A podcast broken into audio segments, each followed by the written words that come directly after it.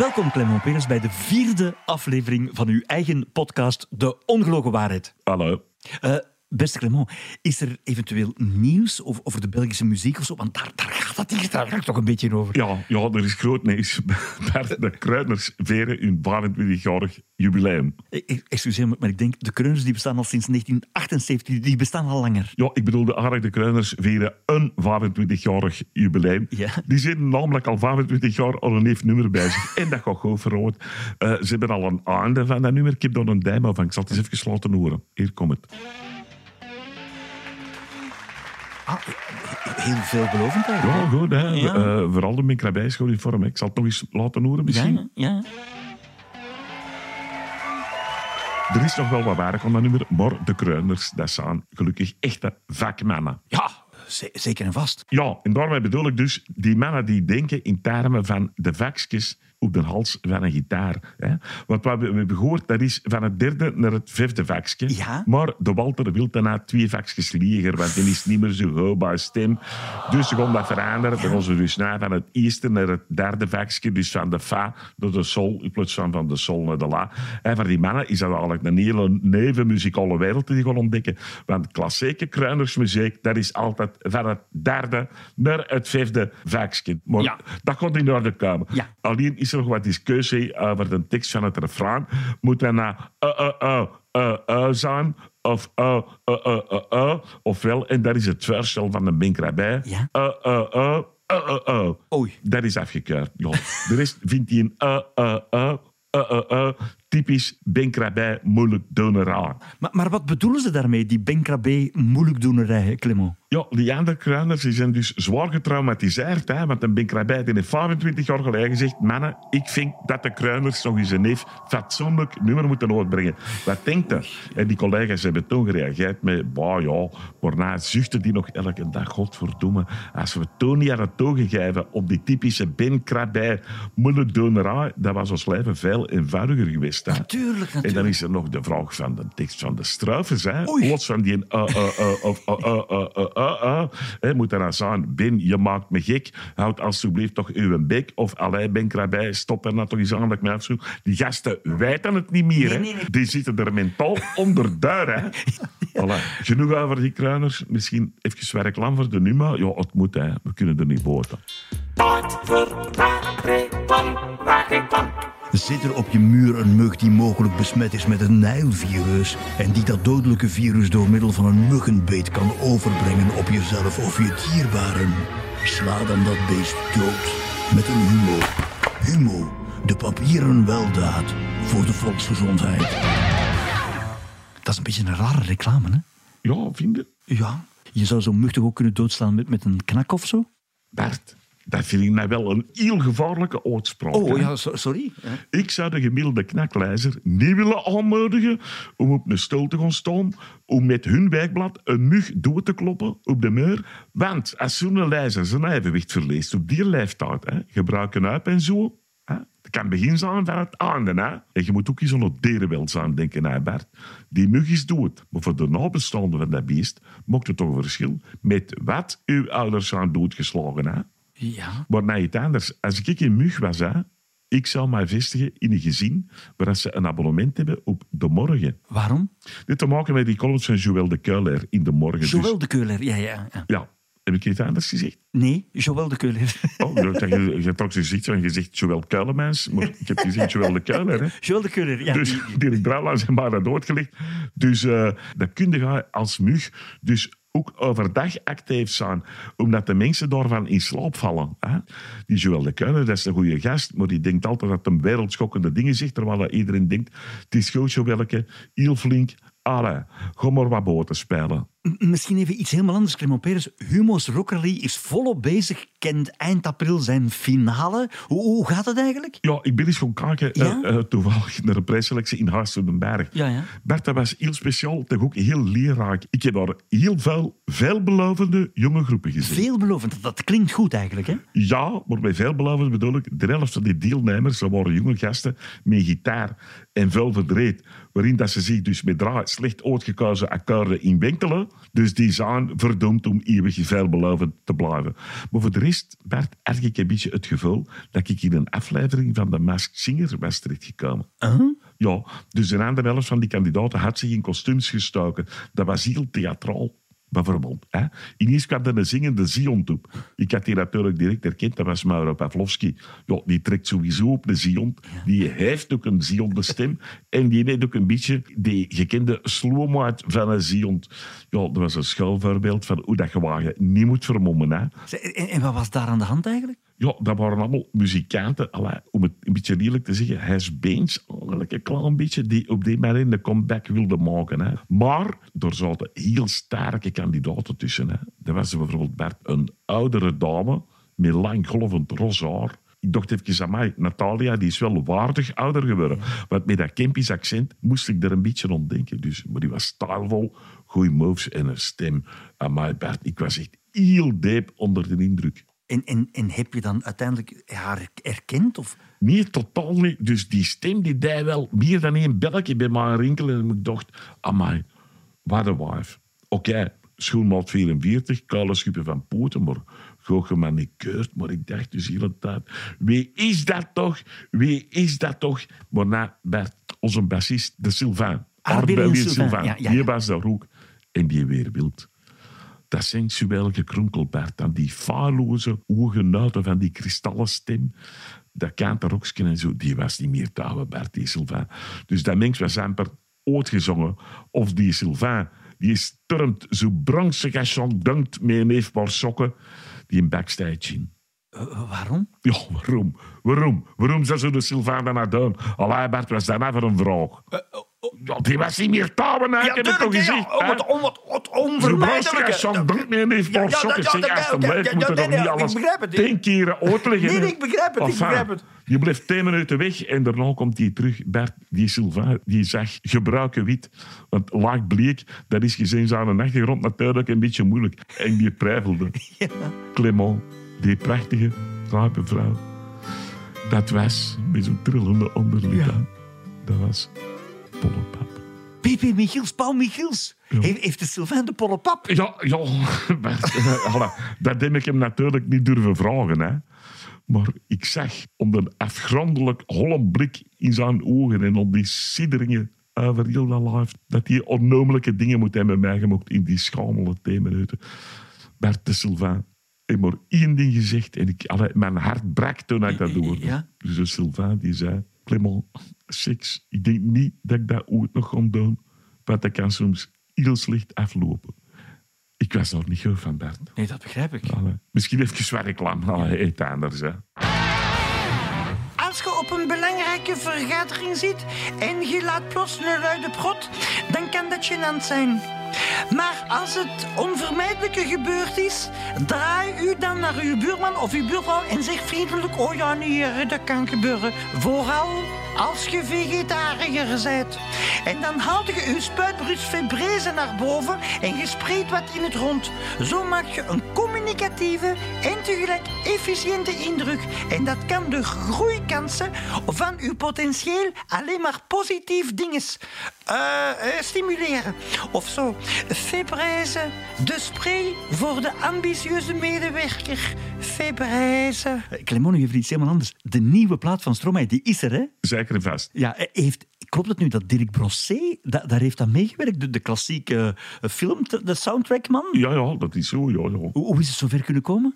Ja, Bert, ik weet even al veel van de plaat gehoord. Dat is inhoudelijk is dat een hoop misère. Hè? Dat gaat alleen maar over ziekte, eenzaamheid, depressies. Allee, dat is gezag hier tot in Tokio. Ja, ja. En de Van Over. Stromae dus, hè, die begon dat te beseffen tijdens de opnames. Die heeft gemompeld over la valeur pH, hè, dus de pH-waarde, dat die eigenlijk quasi nul was. Dat dus iets minder wetenschappelijk betekent dat dat een zeurenbouw drager te worden. Ja, ja. Dus de Van Over begrijpt dat hij moest ingrijpen. Het mocht een beetje zeuter worden. Dus die reep naar de producer. Waar is de siroop? De, de wat? De siroop. De, de wie? Dirk Brosset. De- dus, ja, ze noemen die de siroop. Ah, Die is vooral bekend van soundtracks van films. Hè. Bert, daar moet er voorzichtig mee zijn. Hè. Je kunt er suikerziekte van krijgen als je er te veel naar luistert. Dus ik heb vorige keer, om even een bochtje te maken, Ja. hè, om het dus gestructureerd te kunnen brengen, maar ja, vooral over. Strama en de siroop. Dus ik heb in vorige podcast gezegd, de Strama, dat is eigenlijk een beetje een Jacques Brel van de Playmobil. Wat een krasse uitspraak, hè? Ja. Ik heb er heel veel negatieve commentaar op gekregen. Ik kon dat toch even rechtzetten. Ja. Dus ik zeg u, beste muziekliefhebbers, Stromae is de waardige opvolger van David Bowie. Ja, dat klinkt al veel positiever, hè? Inderdaad. David Bowie, die mocht eigenlijk, laten we er eerlijk in zijn, die mocht een songfestivalmuziek voor mensen die hun neus ophalen voor het songfestival. Toen kast gelijk Ivo van Hoof en dat soort mensen. Hè.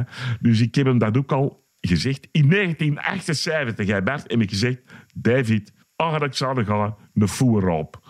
Hè, die kostuums altijd, al die make-up, die danspasjes. Je ziet, godverdikke, meer bij de coiffeur dan in een opnamestudio. En een David heeft gezegd, ja Clement, dat is waar, ik weet het, ik ben er voorop, maar wilde dat alsjeblieft stilhouden tot vijf jaar na mijn dood. Dat heb ik dus gedaan, ik heb er zelfs nog een jaar bij gedaan, als je ook kunt tellen.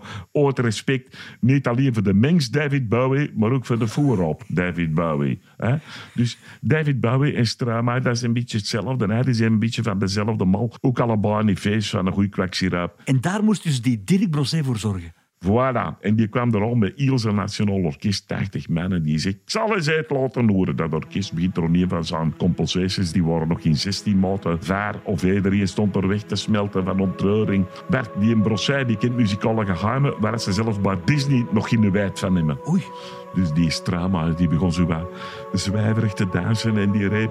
Meneer Brosset, ik zou zo graag een elfje zijn dat op uw prachtige muziek danst. Een elfje van een meter 90 met een fluïde genderidentiteit. En die therapeut van de Strama, die was die zegt van over, stop eens met zeven zeg. Je zaad al een genderfluïde elfje van een meter 90. Niet onnozel doen, hè.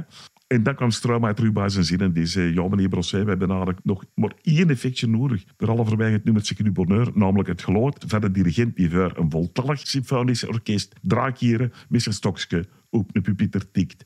En daar hebben ze dan een take of tien van opgenomen. De beste take was een deze. Goed, hè? Goeie, goeie take, heel goed. Ja, ja, ja. Ze hebben dan natuurlijk eh, wel wat gekwantaast en gepitcht en er samples van het Senegalese waterbuffel, toter of weet ik veel opgeplakt. Maar inderdaad, als je dat doet, je moet het toch maar doen. Hè. Ja, Als dirigent, ja. zo meeslijpend, zo Ja. ontreurend, met zoveel diepgang. Echt ongelooflijk. Maar nou, misschien, ja, we, eh, we kunnen niet boten, maar even wat reclame.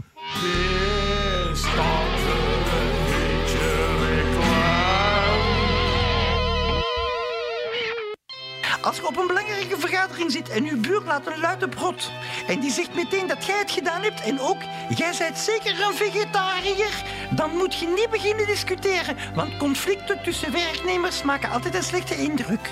Je zegt gewoon, ja, dat was er eentje van mij. En ja, ik ben een vegetariër, maar ik spuit voor de maaltijd altijd wat febraise op mijn peulvruchten, zodat mijn windjes heerlijk ruiken. Namelijk zo. En je haalt uw bus met febraise boven en je spreekt even. Zo maakt uw profiel een daadkrachtige indruk, wat een opwaartse beweging veroorzaakt in het organigram van het bedrijf. En uw positie daarin zeker zal bevorderen. Febraise voor de ambitieuze medewerker.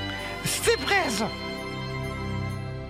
Ja, Clement, nog even. eh, eind dit jaar neemt de Clement Peres Exposition afscheid van het publiek met een, reeks, een grote reeks concerten in de Roma in Antwerpen. Nee, Bert. Nee, je zou het niet. Hè. We nemen geen afscheid. Hè. We stoppen er gewoon mee. Hè. Dat is altijd beter, er gewoon mee stoppen. Ik zal een voorbeeld geven. Ja. Ik ken genoeg gasten die leefbui waren en dan afscheid probeerden te nemen. Hè.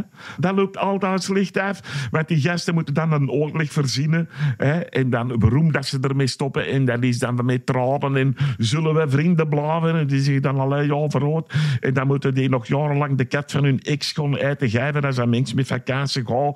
Of ze eventueel genoeg halen op vliegveld Dikkelziebel naar Charleroi als hun ex dan op vakantie is geweest. En denkt hij, dat zijn ex dan de naft betold hè, van die verplutsing met een auto. Oh nee, want dat was een vriendendienst. Want ze gingen vrienden blijven. Dus Bert, nooit afscheid nemen. Ik begrijp De het. bijter gewoon mee stoppen.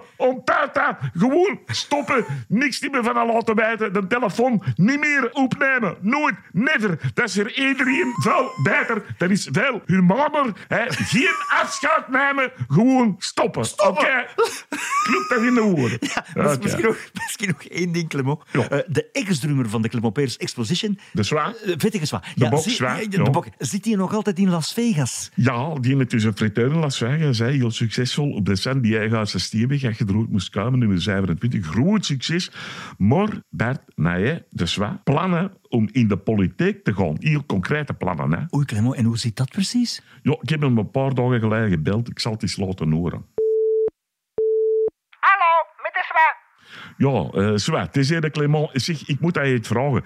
Dus ik heb in mijn vriendenkring zo'n paar van die fanatieke natuurvrienden die af en toe in de Limburg in het weekend de wolf gaan afknallen om het ecologisch evenwicht te bewaren. Ah, ja. ja.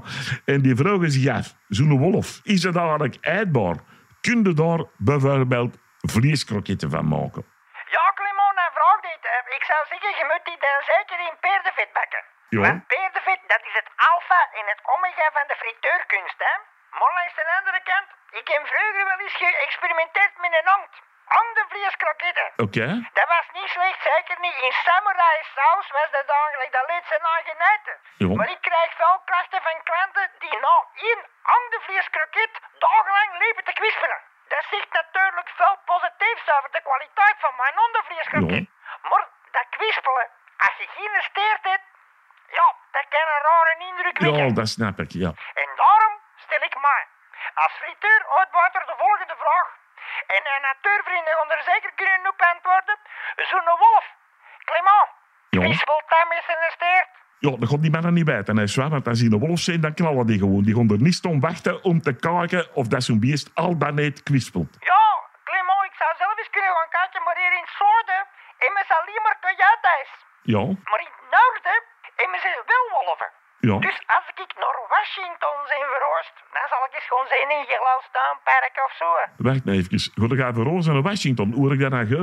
Ja, weet je wat, eh, Clement, Las Vegas, dat is, eigenlijk, dat is eigenlijk een heel lelijke stad. Ja?